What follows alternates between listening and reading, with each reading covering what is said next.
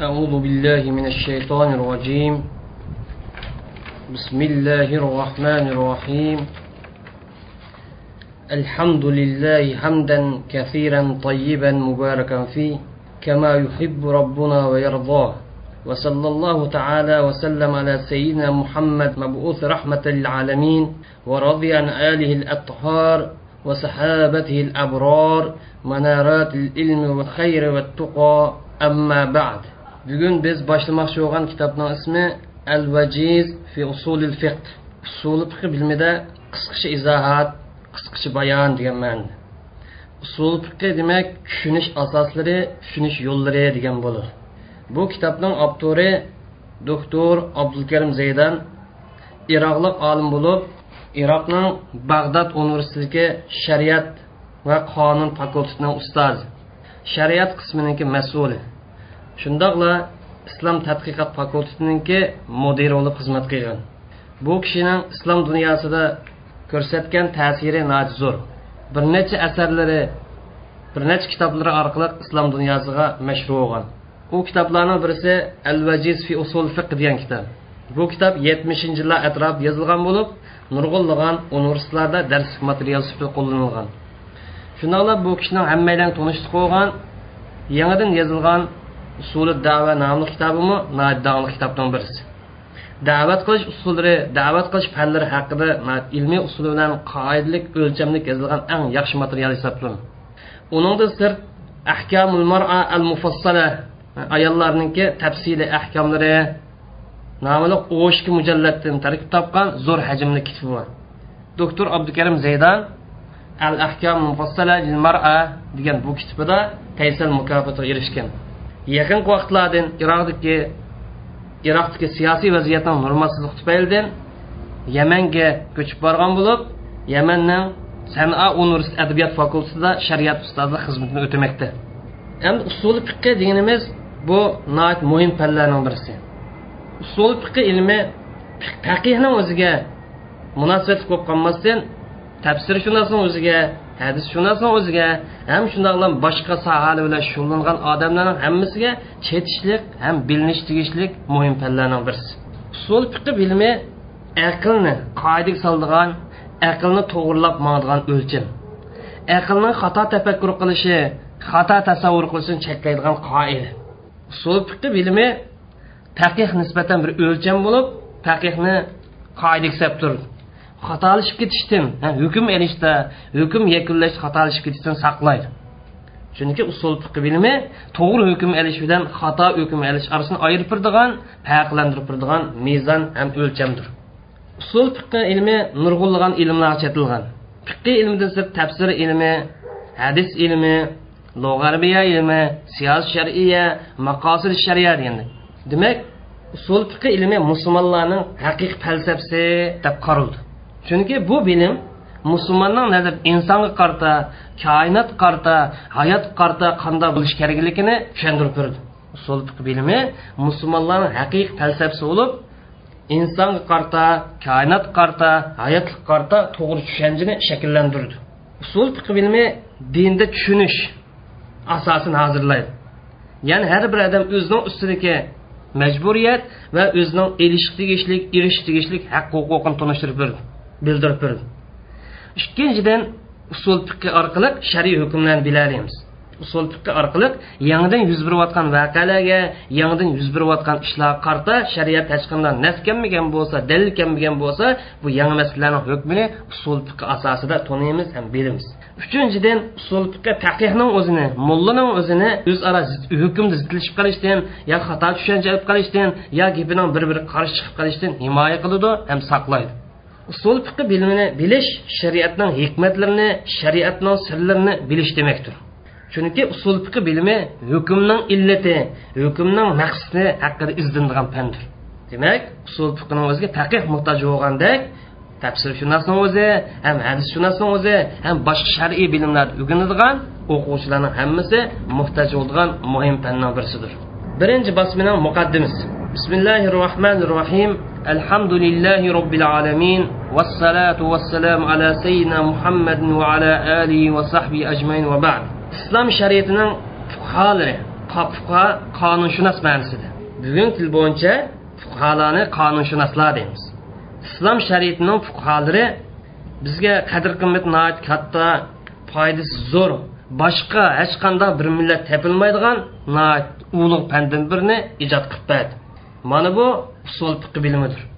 Usul fiqining tuzilishi usul fiqining shakllanishi buniki alomatlari taraflari ma'nilarini ro'shanlashtirishdan maqsad islomga xizmat qilishdir. Islom qanday xizmat qilamiz desa allohning kitobini payg'ambar alayhissalomning sunnatini tushunish qur'oni karim va hadis rasullarni hukm elish shundoqlam e'tiborga ilingan manbalardan hukmni yakunlash orqali islom xizmat qilamiz. Mana bu usul fiqning roli ham ahamiyatlidir. Man bir necha yil ilgari mushu usul fiqdan iborat mo'yin fan haqida qo'l yozma shaklda bir necha bet narsa yozgandim bu bir necha bet narsani bag'dod universiteti qonun fakultetining to'rtinchi sinf o'quvchilariga yozgandim keyinchi bu kitobni o'zini al vajiz fi usul fiq degan kitobda shakllantirdim yoki ratlab tuzib chiqdim bu kitobning ilgirki nusxalariga asosan zo'r deb qaragan tuzitish tahrirlash ratlash ishlarini ilib bordim. Qo'shadigan yani qo'shdim elitadigan yani elitdim tuzadigan yani tuzitdim misol keltirish yani misol keltirdim. Mana insonning yozgan narsa shundoq bo'ladi ekan. Inson bugun bir narsa yozsa ertasi qarshi kamchilik to'yildi ekan. Mana bu insonlik eng cho'ng kamchilik insonniki naqs ekanligini eng cho'ng belgisidir. Man bu kitobni ilgari bosmalarga qaragan vaqtida ba'zi misollarni kirgizdim. Ya'ni insonlar tuzgan qonunlardan ba'zi misollarni keltirdim. Usul fiqi qoidasini nusus dalillarni tafsir qilish aloqador qoidasiga nisbatan insonlar tuzgan qonunlar qanday qaraydi qanday muomala qildi?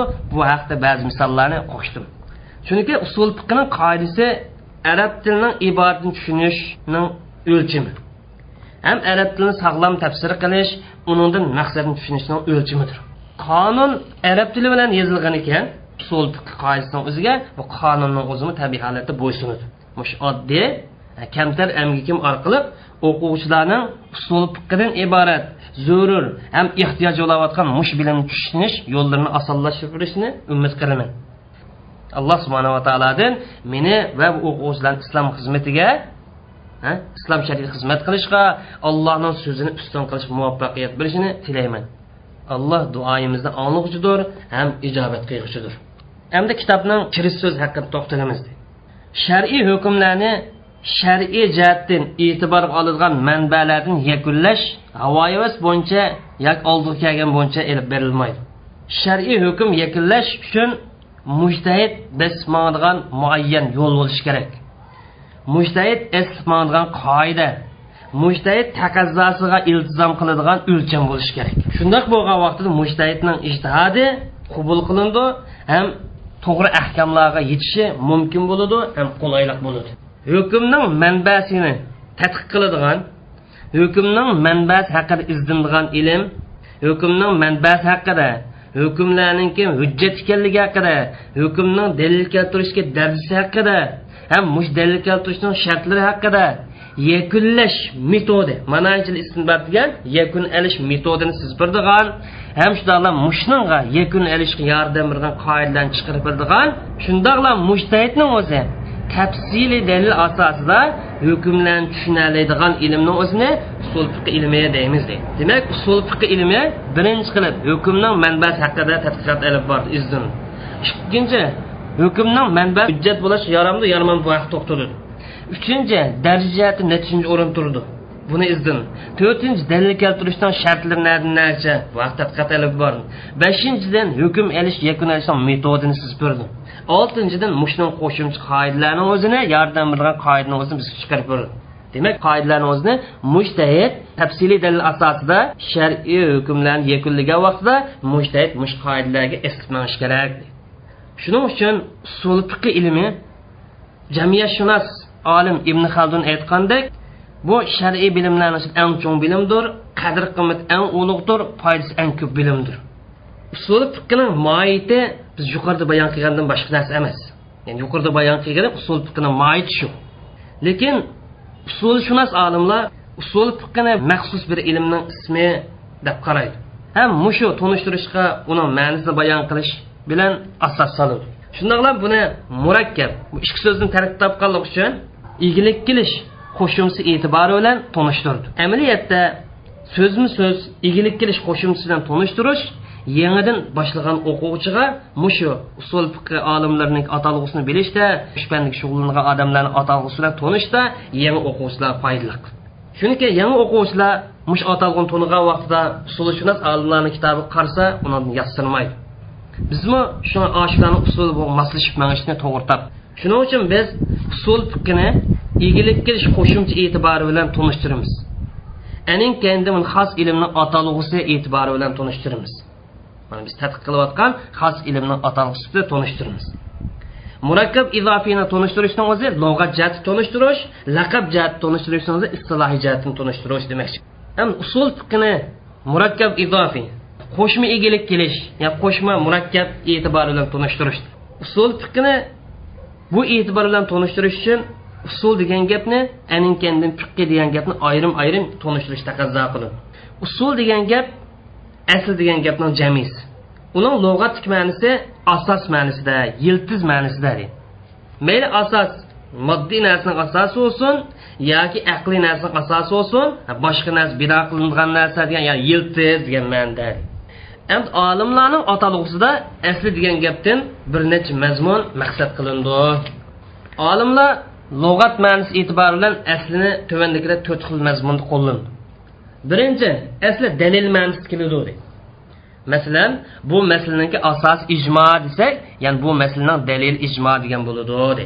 Asli bu dalil ma'nosida ya'ni usulshunos olimlarninki asli degandan e'tiborga olgan mazmuni ma'nisi dalil degan ma'ni e'tiborga oladi mush mazmundan ilib aytgan vaqtda usul fiqqi demak usul fiqqi degan ya'ni fiqning dalili demakchi chunki fiqning o'zi dalil asosida aqliy jihatdan yakunlan ya'ni ijtihodning o'zi hukm olishning o'zi aqliy masala ijtihodiy masala.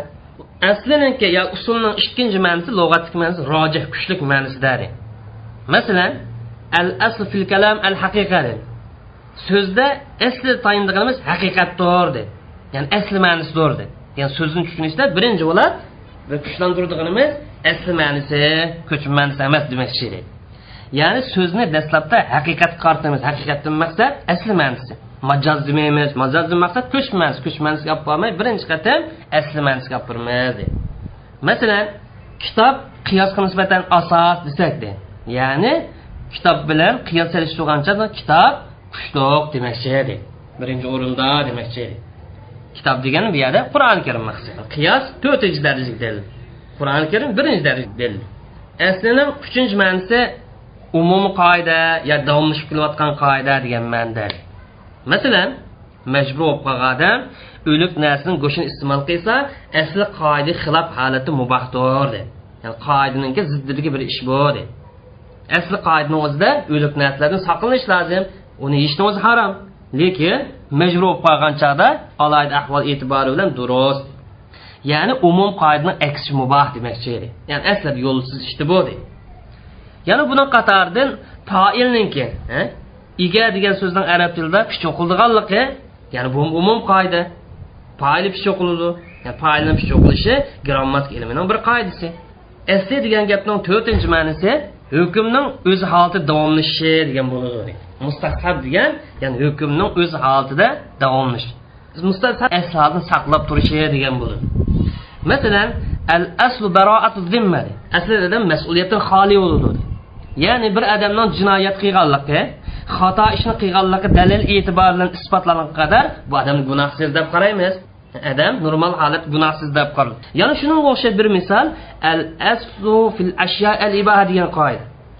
Narsa keraklar aslida mubahdir deydi umumiy narsa mubah lekin shariatni o'zi harom deb dalil keltirgan bo'lsa yoki haromligiga isbot keltirgan bo'lsa bu narsa harom bo'lmasa normal holatni o'zida mubahdir bumi al mustatsab ya'ni hukmni o'z holida davomlashganligi deganni misoli bu to'rt dalilning ichida usulishunos olimlarning maqsad qilgan ko'zlaydigini aslaydigan so'zdan dalil degan ma'no ma'ni qo'llaydi yo shu ma'noni kuchlantirdi ammo fiqi degan gap bir narsani bilish ham tushunish degan ma'noda. Qur'oni karimda bu so'z ishlatilgan bo'lsa bu yerdan faqat bilish ma'nosida emas balki inchki tushunish inchki his qilish so'zlayotgan odamning nima demoqchi bo'lganligini bilish ma'nosi qo'llanilgan dedi yuzaki bilish ma'nosi emas inchki tushunish inchki his qilish so'zlayotgan odamning maqsadini tushunish ma'nosi qo'llanilgan masalan qur'oni karimda alloh subhanava taolo qolu ya shuaybu ma nafqahu kathira mimma taqul degan oyatni dalil keltirgan ular dediki ey shuayb sen degan narsani ko'pincha tushunmaymiz dedi. Ular tushunmaydiganga shuayb alayhissalom boshqa millatning tili bilan so'zlamagan o'z millatining o'z tili bilan so'zlagan. Lekin muhaqqaqni demoqchi yo'g'ini moiti zat maqsadni nima ekanligini tushunmadik demoqchi lug'at e'tibori bilan tilshunoslik e'tibori bilan tushunadi. Lekin nima demoqchi bu gapingdan buni uqmadiq deb yani e'tirof qilmaslik bor. Ya'ni qur'oni karimda fiqqa degan gapni iste'molda bu nima bo'ldi bu haqni o'ziga? O'zining tili to'sa o'zi tushunadigan so'z tursa o'zi tushunadigan iborat tursa buni bir tushunay demaydigu bilay demaydigu deydi ya'ni meyer demak gapni maqsadiga yetmaydi bular tagiga cho'kmaydi demoqchi yuzakli bilish emas fiqqa degan gapni. Bu fiqqiniki lug'atdagi ma'nosi. Endi fiqqining olimlarning atalg'usidagi ma'nosi al ilmu bil ahkam shar'iyya al amaliyya al muqtasaba min adillatha tafsiliya al ilmu de bilish de keskin bilim ma'nosida olimlarning atalg'usidagi ma'nosi qo'lga keltirilgan. Nimadan qo'lga keltirildi desa tafsili dalillardan qo'lga keltirilgan yoki ugunilgan amaliy shar'iy ahkamlarni bilishni fiqqi deb ataymiz deydi ilmi degan gapning ma'nosi kaskin bilish kaskin tushunish degan ma'noda. Ya'ni dalil asosidagi kaskin e'tiqod dalil asosidagi kaskin o'y tasavvur degan bo'ladi deydi unda bo'lgancha ilmi degan gapni o'ziga zanni gumonning o'zi shakning o'zi xiyolni o'zi bilmaslikni o'zi nodonlikni o'zi kirmaydi. Ilmiy desak Bu dəlil əsasında ya dəlil uyğun kəskin etiqad deyilən budur. Bu yerdə əhkam deyəndə məqsəd hökm məqsəd. Am şəriət deyinimiz mənbə şəriətdən gələn demək şeydir. Əməliyyə deyən insanların iş fəaliyyəti əlaqədar. Muqtəsəb deyən uyğunulğan ictihad yol arqılı gələndir. Təfsili dəlil deyəndən məqsəd təklif hökmünün özü. Yəni təklif hökm Hanefi məzhəbinin özüdə yətdə. Məsələn, fərz, vacib, hə, sünnət, müstəhəb, mubah. Harom makruh deganga o'xshash. Ma jumurniki mazhabida jumurning ko'z qarashi besh. Mush besh narsani yoki hanfiy mazhab bo'yicha yetti narsani o'zini buni tafsili dalil deymiz. Ham tafsili tafsili tushundirsak ahkom degan. Lug'atdagi ma'nosi hukm degan gapniki ko'pligi edi ya'ni bir narsani yana bir narsani isbotlash deydi. Yo obyektiv holat isbotlasin yo subyektiv holat isbotlasin isbotlash degan ma'noda masalan ash-shamsu mushriqatun aw g'ayr mushriqa quyosh nur sochquchi yoki nur sochmaydi desak nur sochdi desak isbotladik nur sochmaydi desak nafiy qildik masalan suvning o'zi issiq suvning o'zi suvning o'zi issiq emas desak isbotlash va bu yerda inkor qilish bor. Bu yerda ahkomdan maqsad mukallaflarning ishiga deydi mukallafdan maqsad oqil bolig insonning o'zi mukallaf deymiz. Ya'ni mas'uliyat egisi majburiyat egisi buyruqdor degan ma'no.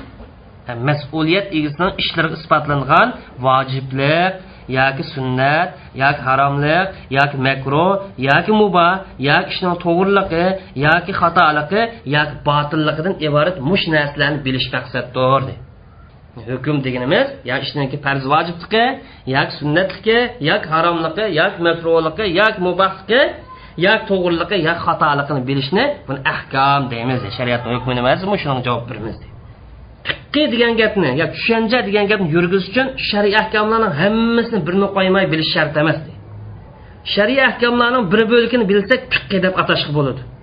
Bir bo'lkini bilishni o'zi fiqiy deb atagandek bir bo'lak ahkomlarni bilgan odamni o'zini faqih mulla deb atsak bo'ladi deb bir shartda o'sha odamda istinbot yakun ilish natija chiqarish iqtidori shart topilsa bu ahkomni o'zini shar'iy degan bilan cheklamaga oldik doiraga oldik.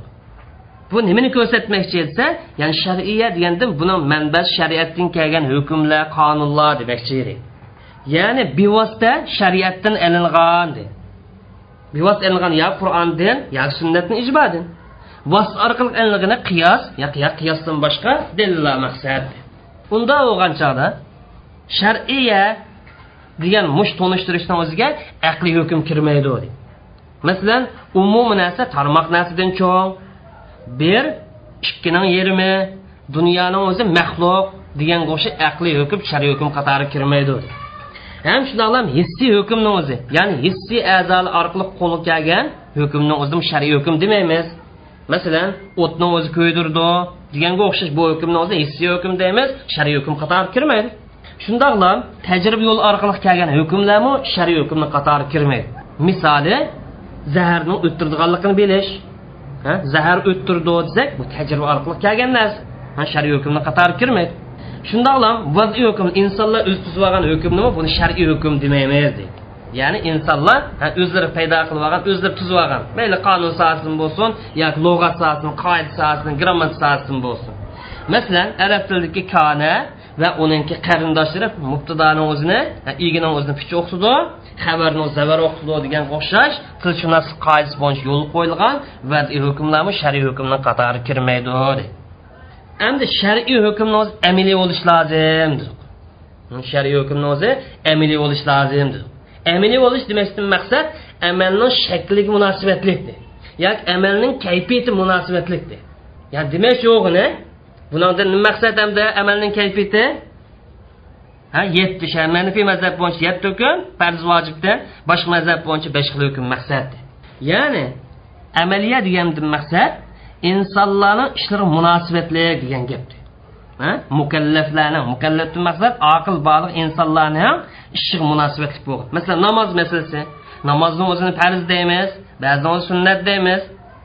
Va bu yo'q masalasi ilm setim masalasi. Ba'zida buni o'zi muboh bo'ladi ba'zida harom bo'ladi ichimlik masalasi jinoyat masalasi o'xshash insonlarni ishlar chetig'liq narsani o'zida yo chetilgan munosabatli narsani amaliy hukmlar deymiz deydi amaliy shariy hukmlar deymiz deydi ya'ni insonlarga munosabatli ibodat ishlari bo'lsin yoki muomala ishlari bo'lsin mush narsalar amaliyat maqsadi ibodat bilan muomala ishlarida buni amaliy hukm deymiz unda bo'lgan vaqtida shar'iy ahkam desak buni aqidiy munosabat hukmlar kirmaydi aqida munosabat hukmlarni o'zida buni e'tiqodiy ahkamlar deb ataymiz. Masalan allohga ishonish qiyomat kuniga ishonish degan shundoqla amaliy ahkom deganimizga axloq ahkomlar kirmaydi masalan rost rost so'zlashdan vojibligi yolg'on so'zlashdan haromligi degandek axloq ahkomlar kirmaydi. Mayli e'tiqodiy ahkam bo'lsin yoki axloq ahkomlar bo'lib qolsin bu fiqiy sohasi izlanmaydi tadqiq qilinmaydi.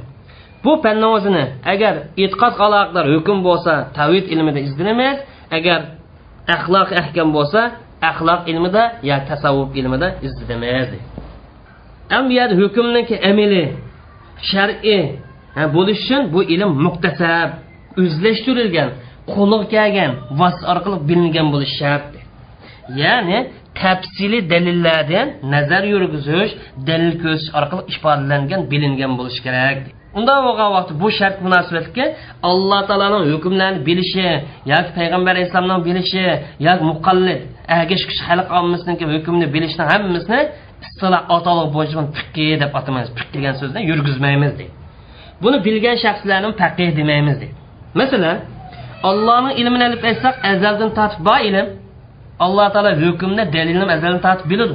Boshqa vosita orqali o'rgangan emas. Payg'ambar alayhissalomning ilmini olib bersak vahiydan ilingan. U dalildan o'rgangan ilm emas. Imom agishmaydigan mazhab imom agishmaydigan odamninki ilmi bu taqlid agish yo'li bilan ilingan. Nazar yurgizish ijtihod qilish tafakkur yo'li bilan kelmagan shuning uchun buni o'zini muktasaba ha degan shartni qo'yamiz. Ammo yuqori turni o'zi muktasib doirasiga kirmaydi buni o'zi. Am adilla tafsiliy ya'ni adilla at tafsili tafsiliy dalil maqsad har bir masalaga masalada xos degan har bir xos masala munosibatlik tarmoq dalil maqsadi har bir masalaning hukmini yoki bo'lmagan bo'lsa farz deymiz yoki vojib deymiz yoki sunnat deymiz yo muboh deymiz yoki harom deymiz yoki makruh deymiz. Ya'ni har bir masalaninki hukmiga dalil keltirgan bo'lsa buni adilla at tafsiliya yoki bo'lmasa adilla juziya deymiz. Masalan misol olaylik alloh taolo qur'oni karimda hurrimat alaykum ummahatukum ananglar bilan to'y qilish sizlarga harom qilindi dedi. Mau dalil tafsili dalil ya'ni tarmoq dalil. Ona bilan onalar bilan nikoh qilish masalasi chetilgan tarmoq dalil. Bu dalilni o'zi muayyan hukmni ko'rsin. Ya'ni u bo'lgan bo'lsin onalar bilan nikoh qilish harom degan dalilni ko'rsin. Unda bo'lgancha hurrimat alaykum ummahatukum degan mush oyat karimni o'zi muayyan xos masalani o'ziga chetilganlik uchun tafsiliy bir masala o'tirib qo'yilganlik uchun aynan shu buni adillat tafsiliya yoki adillal juz'iya dedik. İkkinchi misol. Yana alloh taolo vala taqrabu zina innahu kana fahishatan va sa'a sabila. Zinoga yaqinlashmanglar. Zinoning alomatlari zinoning ko'rinishlari zinoning illatlari yaqinlashib solmanglar. Bu nachar ish bu. Bu razil ish bu yomon oqibatni so'rab qiladigan ish bu. Yomon eski yo'l bu. Bu oyat karimadimi zinodan iborat muayyan masalani o'ziga aloqador juz'iy dalil va tarmoq dalil bor ya'ni tarmoq dalildan maqsad haromlik zino qilishdan haromlikdan iborat dalilni o'zini juz'iy dalil deymiz deb tarmoq dalil deymiz. Yana bir misol qur'oni karimda dushmanlarni o'ziga barliq kuchinglar bilan tayyorlik qilinglar. Bu yerdami kollektivni o'zi yo xalq ommasini o'zi tayyorlik qilish tayyor holatda harbiy holat turishdan iborat masalaga munosabatlik juz'iy tarmoq dalil bor bu tarmoq dalil muayyan bir hukmni ko'rsin. Ya'ni u bo'lgan bo'lsinmi kollektivni o'zi dushmanni qo'rqitib turish uchun yoki dushmandan tajovuz qilishni oldini olish uchun davomli harbiy holat tayyor holat turish vojib degan vojib hukmni ko'rsatadi yana bir misoli buni to'rtinchi misoli. Payg'ambar alayhissalom al amdu qavadun deydi qasddan qotillik bo'lib qolsa buni qisos keladi degan qasddan qotillik bo'lib qolsa qisos keladi degan bu qasddan qotillikdan iborat xos masalaga chetilgan tarmoq dalildir bu dalil shu xos masaladan keyin qasddan qotillik qilishning hukmini ko'rsatib ya'ni u bo'lgan bo'lsinmi qisos elish vojib degan hukmni ko'rsatdi oltinchi ijmodan misol. Masalan cho'ng anaqa merosni oltidan birdan berilganligi ijmo kelgan birlik kelgan masala bumi cho'ng onaning merosidan iborat muayyan bir masala chetilgan juz'iy del tarmoq del bu cho'ng onaning merosiga dalil keltirib nima deydi? Cho'ng onaga merosning oltidan birini berish vojib degan hukmni bergandi. Demak bu yuqori oyat karimidagi hadisga ijmodga haromlik masalasi vojiblik masalasi yoki boshqa masalalar hammasini buni nima deymiz adillal juziya yoki adillat tafsiliya deb ataymiz. Demak adilla tafsiliya degan nima degan gap desa har bir masalaning hukmini ko'rsatib turgan narsa. Har bir masalaning hukmini ko'rsatib turgan yetti taklif hukm shu. Shuning uchun tafsiliy hukm faqihninki tadqiqot temasi mushu orqali faqih hukmlarni tuniydi hukmni bilishda ham hukmga yetishda usul fiqqi ilmi o'ttirib qo'ygan qoidalarni o'zini yakunlash qoidasi ham dalil qilish metodidan foydalanish orqali hukmni o'zini tushunish uchun tafsili dalilga tayanadi demak tafsili dalilni izlanish tadqiq qilish kimniki masalasi?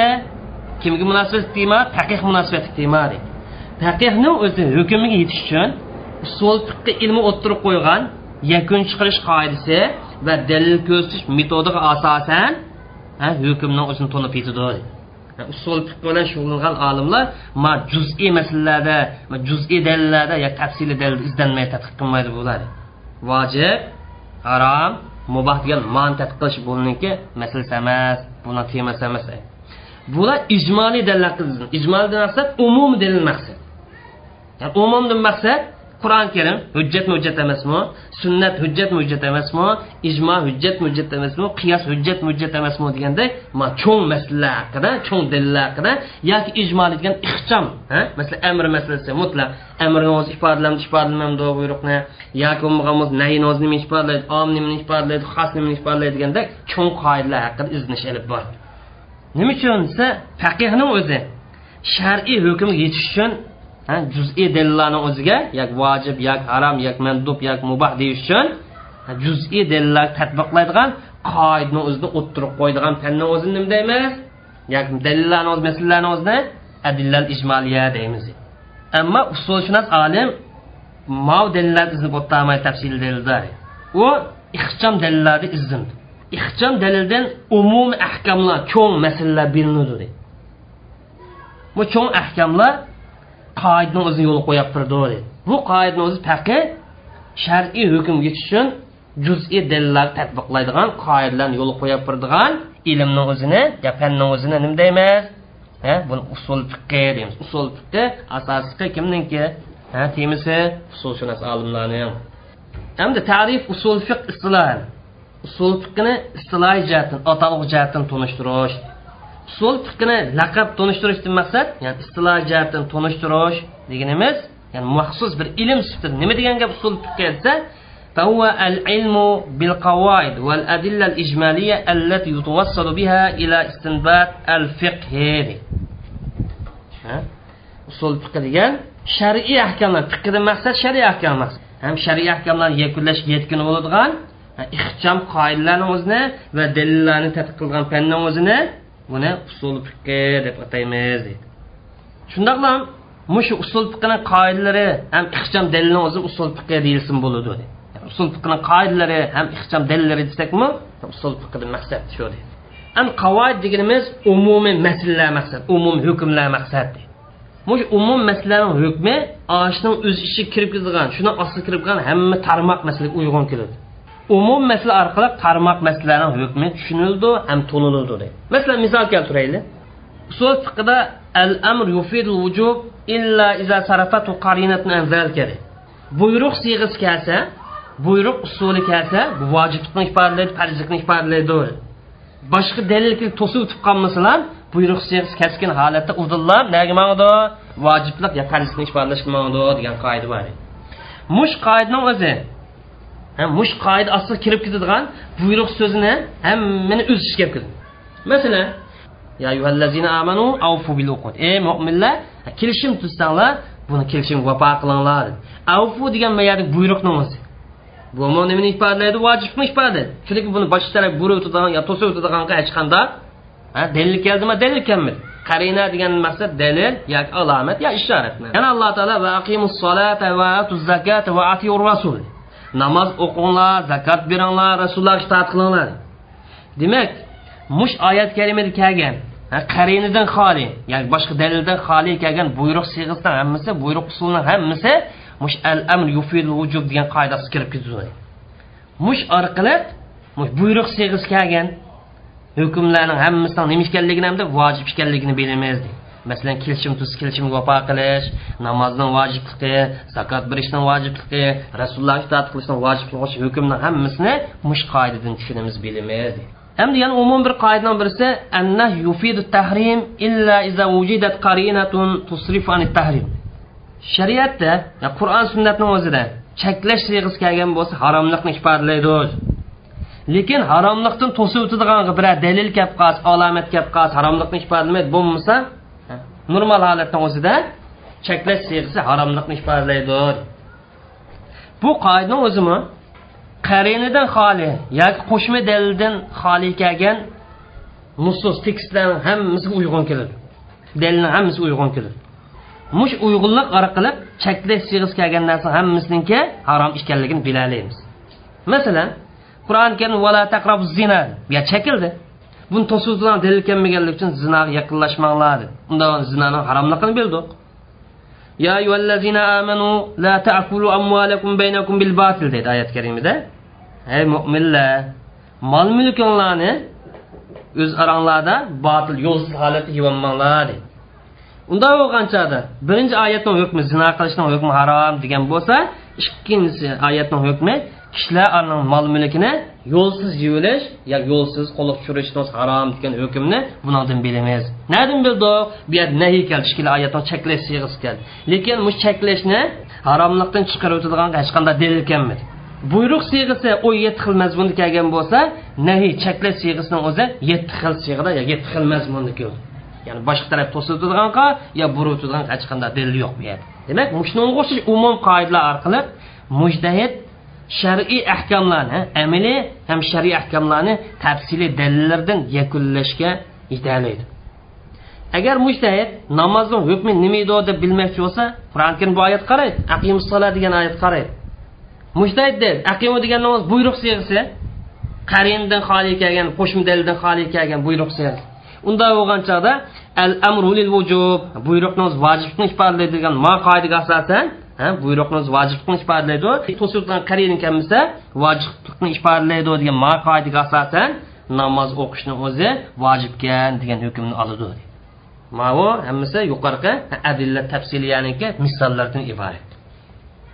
Biz nima qilib to'qilyapmiz usul fiqninki atalg'usi haqida ham qavoid haqida ammo ijmoliy ixcham dalil deganimiz ixcham dalil deganimiz bu shariat ahkomlarining manbasi. Masalan kitob qur'oni karim sunnat ijmo qiyos degandek. Mush dalillarning hujjat ekanligini bilish dalil keltirish o'rni nadin nasi uni bilish ham bu yer nasninki dalolati. Nasdan maqsad tekis yoki oyat hadis maqsad. Buni dalolatmi dalolat qat'iy keskin hukmmi yoki kuchli ehtimolli hukmmi zanniy hukm kuchli ehtimolli hukmmi mush dalolatni ahvoli o'xshashmaydi. Hukmning ko'rsatmasi yo qat'iy bo'ladi yoki zanniy bo'ladi. Ijmoning ma'nosi yo ijmoning shartlari qiyosning turi qiyosning illatini bilish. Ham mush illatning masalikil illa deganda illatning yo'lini bilish va uningdan boshqa qiyosga va boshqa ixcham dalillar tadqiqot deymizning hammasini buni ijmoliy dalil deb ataymiz demak usuli shunas olim ijmoliy ixcham dalillar haqida tadqiqot olib bordi. Ya'ni ixcham dalillar shar'iy hukmlarga dalolat qilish ya'ni shar'iy hukmlarni ifodalash ko'rsatish e'tibori bilan ixcham dalillar haqida tadqiqot olib bordi. Demak usulshunos olim ixcham dalillarni tafsiliy dalil asosida shar'iy hukmni ifodalash yo shar'iy hukmni ko'rsatib berish e'tibori bilan izdirish olib bordi. Ham taqih deganimiz bu tafsiliy dalil haqida tarmoq hukmlarni tarmoq dalillarni yakunlaydi.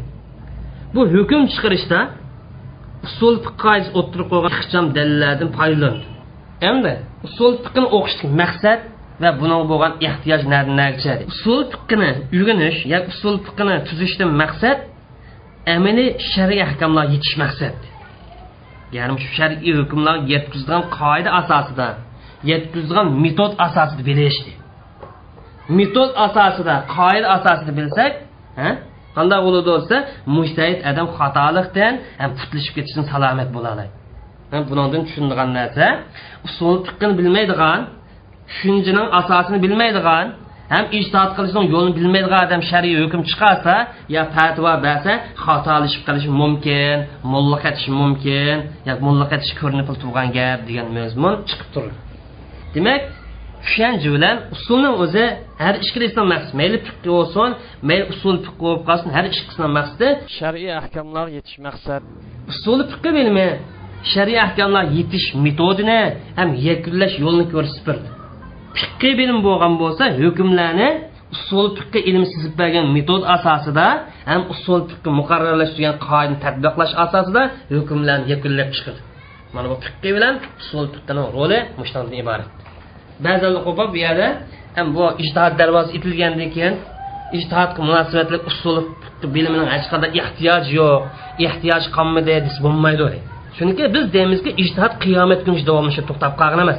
Shart topilsa shart hozirlansa iqtidorli odam topilsa ijtihod qiyomatga davomlashadi kim ijtihod darvoz itib qoldi deb fatvo bergan bo'lsa bu odam nima uchun degansa ba'zi nodon odamlar shariatga jur'at qilib taqtuq fatvoni bergan chog'da ham havo havaslarni hukmlarni olgan chog'da ham shundoqlam hech qanday bilimi yo'q boshqada umushi yo'q odamlar man mushtahid deb davo qilgan chog ijtihod yo'li sizlarga nisbatan itildi deb o'ttiroq chiqqan gap bu kim ijtihod darsi yetmagan bo'lsa masalan talibga o'xshash yoki kichikroq mullaga o'xshash bu odam nima usul fiqini bilishga muhtoj.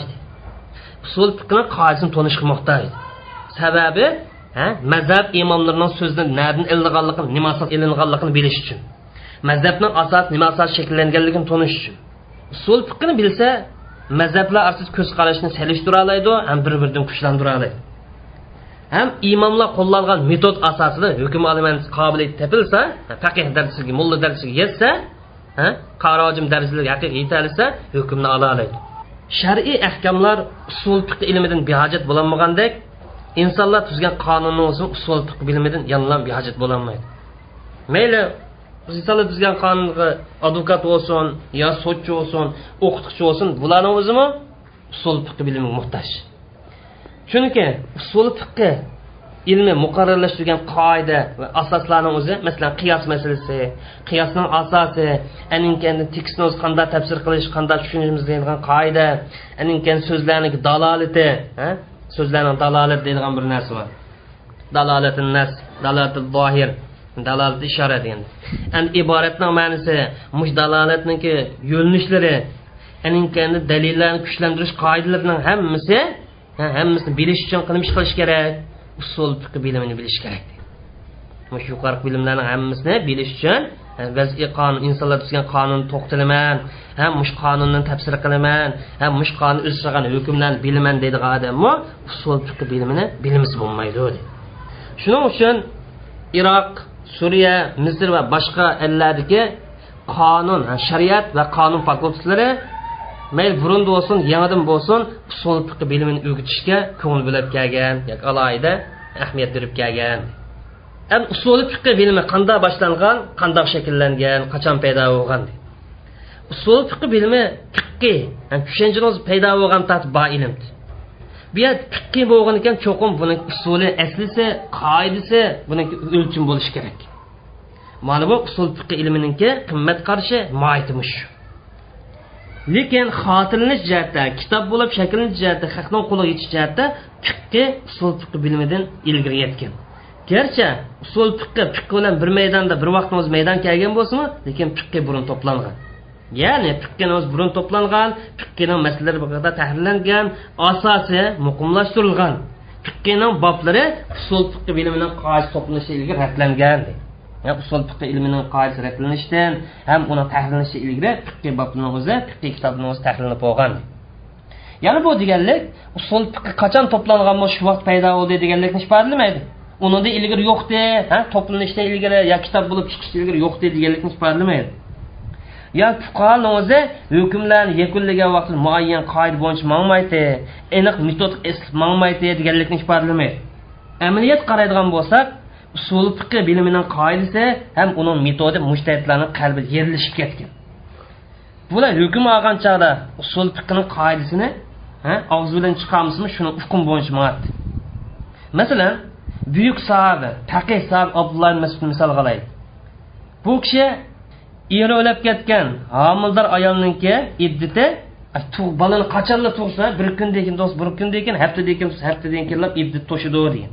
Bu hukmni nimaga asosan olgan desa qur'oni karimdagi va ulatil ahmal ajalahunna ayyadana hamlahunna taloq surasidagi mana bu oyatdan olgan ya'ni homildor ayollarning iddati o'zini bolasini tuqqan vaqtida tugaydi demoqchi ibn masud bu yerda ibn masud bu yerda taloq surasidagi oyat karimni o'zi baqar surasidagi oyatdan keyin tushgan. baqar surasidagi oyat nima aytdi والذين يتوفون منكم ويذرون أزواجا يتربصن بأنفسهن أربعة أشهر وعشرة ayolini tul qo'yib o'lib ketganlar kelsak de ayollarni iti to'rt oy o'n kun degan hukm umumiy hukm ham yuqorqi homildor ayollarning iddati faqat tug'ish bilan tugaydi degani xos hukm ibn masud mana mush qoidani o'zida ishlatib hukmni olgan ham ibn masud bu dalil orqali usul fiqlik bir qoidani ishorat qilmoqchi edi. Ya'ni u olgan keyin kelgan dalilni o'zi ilgari kelgan dalil amaldan qoldiribdi demoqchi edi. Mayat amaldan qoldirish bo'lmasmi lekin umumiy hukmni xoslashtirish bor umumiy hukmda eri o'lib ketgan ayolning hammasi to'rt oy o'n kun iddat tutdi. Lekin xos hukm emas, eri o'lib ketgan ayol homildor bo'lsa homilasini qachon tug'sa bir oy tug'sa bir oydan keyin besh oydan keyin besh oydan keyin tugaydi. Demak odatdimi bir narsa tepilib aninkandi to'plin xotirlan to'planish degan bir narsani borlig'ini aytish bir uni paydo qilgan narsa emas to'plagan. Masalan grammatika ilmiga logika ilmi qarab boqaylik arablar azaldan tortib payni pich o'qib kelgan mafun zabar o'qib kelgan. Mushunga o'xshash boshqa qoidani hammasi tushirdi. Aqlli odamlarga qarasak ha bular mantiq ilmi logika ilmi to'planishdan ilgari logikaning qoidalari mantiqni qoidalari tuzilishidan ilgari uqumushliq masalalar bilan aqliy masalalar bilan munozirlashadi dalil ko'rsatadi. Boshida buni o'zi kitob shakllanishda ilgari demak usul fiqqiy hamromangan fiqqiy paydo bo'lgan bir tutashmangan balki fiqqi paydo bo'lishdan ilgari usul fiqi bor edi. Tushunchaning asosi yiltiz bor chunki usul fiqi degan yakun alish hukm chiqarishniki fatvo berishning qoidasi bu fikrni o'tirib qo'yishning o'lchimi lekin buni dastlabda to'plashga kitob bo'lib chiqishdan ilgari dastlab to'plashga ehtiyoj yo'q edi.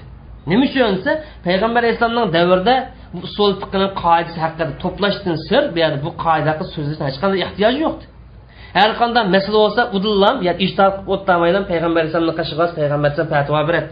Hukmini bayon qilib beradi. Unda bo'lgancha bu yer ijtihod qilishni hech qanday ehtiyoji yo'q ijtihod bo'lmagan ekan yakun oldiganning metodi bo'lmaydi ham qoidani o'tirib qo'yishni qoidani o'tirib qo'yishga ehtiyoj tushmaydi payg'ambar alayhissalom o'lib ketgandan keyin nurg'un yangi voqealar o'ttiroq chiqdi.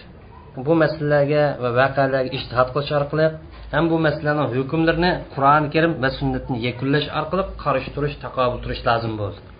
Lekin sahobalarning ichidagi fuqarolar ijtihodning qoidasi dalil keltirishniki usuli va yakunlashning usullari haqida gap qilish ehtiyojliq deb qaramadi his qilmadi chunki bular arab tilini tabiiy biladi arab tilining uslubini biladi. Ham so'zlarning dalolati masalan dalolat degan iboratinnas nas dalolatun nas nas degan. Ham iboratning ma'nosini biladi. Uni ustiga shariatning sirlarini hikmatlarini biladi. Ham qur'oni karimning qachon sababini qanday kelganligini ham sunnatning nima maqsadda deyilganligini obdan biladi sahobilniki yakun chiqarish hukm elishki metodi bular biror vaqa yuz bergan bo'lsa yangi masala o'tirib tashlangan bo'lsa hukmini qur'oni karimdan izlaydi. Qur'oni karim topolmasa sunnatga qaytadi.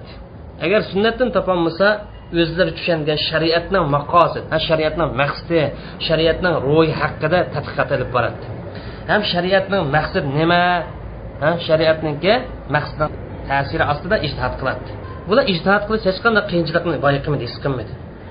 Ham usul fiqdan qoidasini xotirlash ehtiyoj bor deb qarayman uni ustiga bularda rasululloh uzun davr hamroh bo'lishdan rasululloh uzun davr birga turishdan o'zlashtirgan fiqqiy zavq fiqqiy tushuncha bor edi. Uni ustiga bu sahobalar zehni o'tkirdi. Qalbi sapsuzukdi uni his qilish nimasi? Iqtidor yuqori edi. Demak sahobilniki davri shundoq oxirlashdi usul fiqning qoidasi taq to'planmiz. Tobillarning davri mushtoq o'tib ketdi. Tobillarmi hukm yakun ilishda sahobilning metodi bo'yicha mandi bular usul fiqniki qoidalarini to'plash ehtiyoj bor deb his qilmadi chunki bularning davri rasulullohning davri yaqin. Ham bular sahobilning qo'l osti ta'lim olganlar. Ham tobillarning davri oyoqlashgandan keyin islom ellarining doirasi kengaydi. Yangi masalalar paydo bo'ldi. Arablar arab bo'lmagan millat bilan aralashdi. Shu sababdan arab tili o'zining dastlabki sog'lom holatida turolmay qoldi. Natijada mushtahid va ijtihod ko'paydi. Hukm elish yo'llari bir nechaga kengaydi. Munozir jidal zo'raydi. O'xshash masalalar ko'payib ketdi. Ehtimolliqlarmi ko'payib ketdi. Shu sababdan fuqarolar ijtihodning qoidasini ham buning asosini o'lchimini qo'ydigan bir yozish lozim deydigan tuyg'u kelishdi. Mushtahidlar ixtilof qilishgancha murojaat qiladigan ham fiqqining asosi bo'ladigan to'g'ri tushunchaning asosi bo'ladiganqa bir qoida tuzmasak bo'lmabdi kitobni o'tirib qo'ymasak bo'lmabdi deb his qilishdi. Ya usul fiqning qoidasi arab tilining uslubi arab tilining prinsipidan ilindi. Ham shundoq ham shariatning maqsadi shariatning sirlaridan ilindi. Shariatning manfaatni rioya qiladiganligi manfaatni qo'llaydiganligini ko'z tutildi. Ham shundoqlam sahobalarniki dalil keltirishda tutgan metodi asos qilindi. Mushu dalillardan mush qoidalardan mush tadqiqotlarni yig'indisidan usul fiqh ilmi shakllandi dedi. Demak usul fiqning asos birisi arab tili ikkinchisi shariatning maqsadi shariatning ruhi shariatning manfaatini asos qilganligi uchinchisi sahobilniki yakunlashga hukm ilish tutgan metodi e'tibor qilindi ya usul fiqh mush uch narsani shakllandi bu ilm fuqarolarniki so'zlari orliqida va fuqarolarning hukmlarini bayon qilish orliqidagi chachilan qoida asosida yangidan shakllandi masalan faqihni o'zi hukmni bayon qiladi ham uning dalilini ham bu dalil keltirishning e'tiborini sababini bayon qiladi vajul istidlal qoida shu. Shundoqlam fuqarolar orasida ixtilofning o'zimi ixtilofni o'zi usuliy qoidalar bilan kuchlantirildi. Har bir faqih o'zining ko'z qarashini kuchlantirish uchun usul fiqini qoidasiga tayinladi har bir faqih o'zining ko'z qarashini kuchlantirish mazbini jallantirish uchun ham shundoqlam ijtihod olgan o'rnini bayon qilish uchun usul fiqga tayinladi deyilishicha usul fiq to'g'riliq dastlabda kitob yozgan odam abu hanifni shogird abu yusuf deyilgan bir gap bor lekin abu yusufning kitob to'g'riliq hech qanday ma'lumot yetib kelmadi. Olimlarda tunishib qo'ygan hammalarga aniq qo'ygan masala mush usul fiqh ilmini dastlab xotirlagan dastlab to'plagan kishi e, mustaqil shaklda yozib chiqqan kishi imom shofii degan ko'z qarash mashhur. Imom shofiya o'zining dongliq usul fiqh aloqador risola nomli kitobni yozib chiqqan. Bu kitob qur'oni karim qur'oni karimni hukmlarini bayon qilish usuli sunnatni qur'oni karim bayon qildiganligi ijmo masalasi qiyos masalasi nasih mansux amr bilan nahi ham xabar rivoyatdan hujjat keltirish masalalari va shunga o'xshash usul aloqador tadqiqot temalari haqida to'xtalgan. Imom shofiyniki bu risol nomli kitob metodi inchki ham chunqur tahlilga ega edi. Har bir deganlar dalil keltiradi qarshi fikrli odamning dalilini mustahkam ilmiy usul bilan munoqisha munozara ilib boradi. Imom shofiydan keyin imom ahmad hambal rasululloh itoat qilish haqida kitob yozib chiqdi. Yana nasih mansub haqida kitob yozib chiqdi. Shundoqlam hadisning illatlari haqida yozib chiqdi hadismi? Ikkinchi dalil. Shu illatini bilish lozim sahih yoki sahih emasligini bilish uchun. Anin keyin olimlar bu haqda oqimaqa yozishdi. Mush ilmning tadqiqot temillarini ratlashga buni kengaytirishga ham qo'shishga boshladi. Usuli fiqqa tadqiqotidagi olimlarning metodi ham tutgan yo'llari uch xil deydi. Olimlar usul fiq tadqiqoti bir xil usul bir xil metod bo'yicha ba'zan bo'lgan bo'lsa usul fiqning qoidasini dalil fakt bilan kuchlantirib o'tirib qo'yadi. Bular mush usul fiqning qoidasi mujtahid imomlardan naql qilinib kelgan fiqqiy masalalar uyg'un kelamdu kammamdu. uni qarab o'tmay qoidani o'zini dalil bilan kuchlantirib dalil bilan qo'llab o'tirib qo'ydi. Olimlarniki birisida olimlarning metodining birisi mazhab imomlaridan naql qilinib kelgan tarmoq fiqqiy masalalarga bu qoidalar uyg'un kelamdi uyg'un kelmadi uni qarab o'tmay usul fiqning qoidalarini dalil asosida kuchlantirib dalil asosida uni ta'kidlab o'ttirib qo'ygan yo'linishdir deydi buni yo'linishi nazariya yo'linishi edi nazariyani asos qilgan ya'ni qoidani o'ttirib qo'yib fiqqiy tarmoq masalalarini shu qoida asosida yakunlagan bularni qilgan ishi yoki buni xulosasi nimadan iborat desa dalil qandoq ko'rsatgan bo'lsa dalil e'tiboriga asosan usul fiqning qoidasini shakllantirish maqsaddir. Ham usul fiqning bu qoidasini dalil keltirishdan keyin yakunlashning mezoni qilib belgilashdir ham mujtahidlarning ijtihodini kontrol qiladigan shuni hokim bo'ladigan shuni boshqurdiganga ko'rsatma o'rnida shakllantirish maqsadi bularning usuli bo'yicha usul fiqi mazhabning far'iy masalalar tarmoq masala xizmat qilmaydi. Mazhabniki tarmoq masala xizmatchi xizmatchi kattami mushtahidlarni ijtihod qilishini kontrol qiladigan ham boshqurgan mezon qilish qoida qilish maqsadda edi bu yo'lni o'zi mutakallimlarning maslaki yoki tariqatul mutakallimin deb tonildi. Bu yo'lni tutmaganlar shofii maliki hambali mu'tazila jafariy mazhabnikilar jafariy mazhabnikilar keyincha boshqa bir yo'lni qo'llangan. Mutakallimlarning yo'lini alohidalik desa bular aqliy jihatdan dalil keltirishga moyil. Uni o'ziga mazhabni o'ziga mutassiblik qilmaydi. Ham fiqqiy masalalarni bayon qilsa oz bayon qildi. Bayon qilib qolgan taqdirda misol tariqasi bilan bayon qildi bak tafsili bu yerda to'xtalib ketmaydi ikkinchi yo'lni tutib manganlar ya'ni olimlarni ichida ikkinchi bir yo'lni tutib manganlar ikkinchi yo'l tutganlar bular qanday qiladi desa usul fiqni qoidasini mazhab imomlaridan naql qilinib kelgan fiqqiy tarmoq masalaning taqazzosiga asosan muqarrarlashtirdi bular. Ya'ni bu olimlar bizni mujtahid imomlarimiz ijtihodda fiqqiy hukmni mushundan olgan ham hukm chiqarish mush qoidani mulojiz qilgan deb qaragan qoidalarni o'zini ash imomlardan naql qilinib kelgan fiqqiy tarmoq masala asosida o'tirib qo'ydi. Hanifiy mazhab olimlari mush yo'lni tutish bilan mashhur dedi. Hattoki mush yo'lni o'zi mana hanifiylarning yo'li hanifiylarning metodi deb to'nilib ketdi. Endi bu aqmning aloyidligi narsa amaliyatga uyg'un bo'linishi kerak. Chunki bular mazhab imomlaridan naql qilingan fiqqiy tarmoq masalan amili jihatda tadqiq qildi. Ham shundoqlam mush fiqqiy masala tadqiq qilish orqali mush fiqqiy masala tayangan qoida va usuli o'lchamlarni o'zini yakunlaydi. Mana osh imomlar o'zining yakunlanishi muloyiz qilgan e'tiborga olgan qoidani o'zini yakunlab chiqardi shuning uchun hanifiylarniki bu yo'li usul fiqning qoidasini mazhabdan tarmoq masala xizmat chiqib turdi. Mush mazhab imomlarining ijtihod qilish yo'lini mudofaa qiladi. Shundoqlam bundan tutgan yo'li fiqga bek chetishlik ham fiqqa bilan bek munosabatli. Alloma ibn xaldun degandek fiqqa bek yaqin bundan tutgan yo'li ham uchinchi yo'l tutganlar. Bular yuqorqi mutakallimlarning yo'li bilan hanifiy mazhabning yo'lini birlashtirganlar. Ham ichki yo'lning ortiqchiligini o'zlashtirganlar.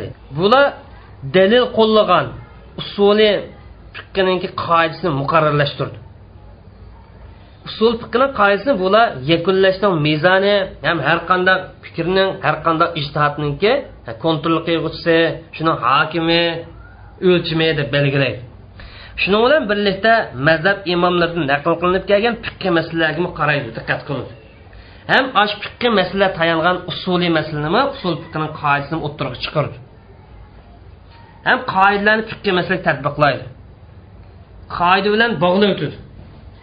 Ham qoidani fiqh masalaga xizmat qilsa beradi mana bu yo'ldagilar ya turli mazhabdan olimlar ergashgan masalan shofiy mazhab moliki hambali hanifiy jafariy mazhab olimlar bu yo'lga ergashib mangan deydi eng oxirida avjaga bu olsa uchinchi yo'l. Mutakallimlarning yo'li bilan hanifiy mazhabning yo'lini birlashtirganlar. Mutakallimlarning yo'li bo'yicha usuli bo'yicha yozilgan kitoblarning qatoridan birisi imomul haramayn juvayniniki burhan nomli kitobi imom g'azzalininki mustasfa nomli kitobi muhammad ali basr mutazilniki mu'tamad nomli kitobi bu yuqori uch kitobni imom faxriddin rozi nomli kitob bilan xulosalagan. Shundoqla bu uch kitobni o'zini imom sayfiddin omidi ehkom fi usul ahkam nomli kitobni xulosalab ham ularga jiq izohatlarni qo'shgan. Ammo hanifiylarniki metod bo'yicha yozilgan kitoblarning eng muhimi imom jassasdan usul nomli kitobi dabbusiyninki usul nomli kitobi imom bazdaviyniki usul nomli kitobi.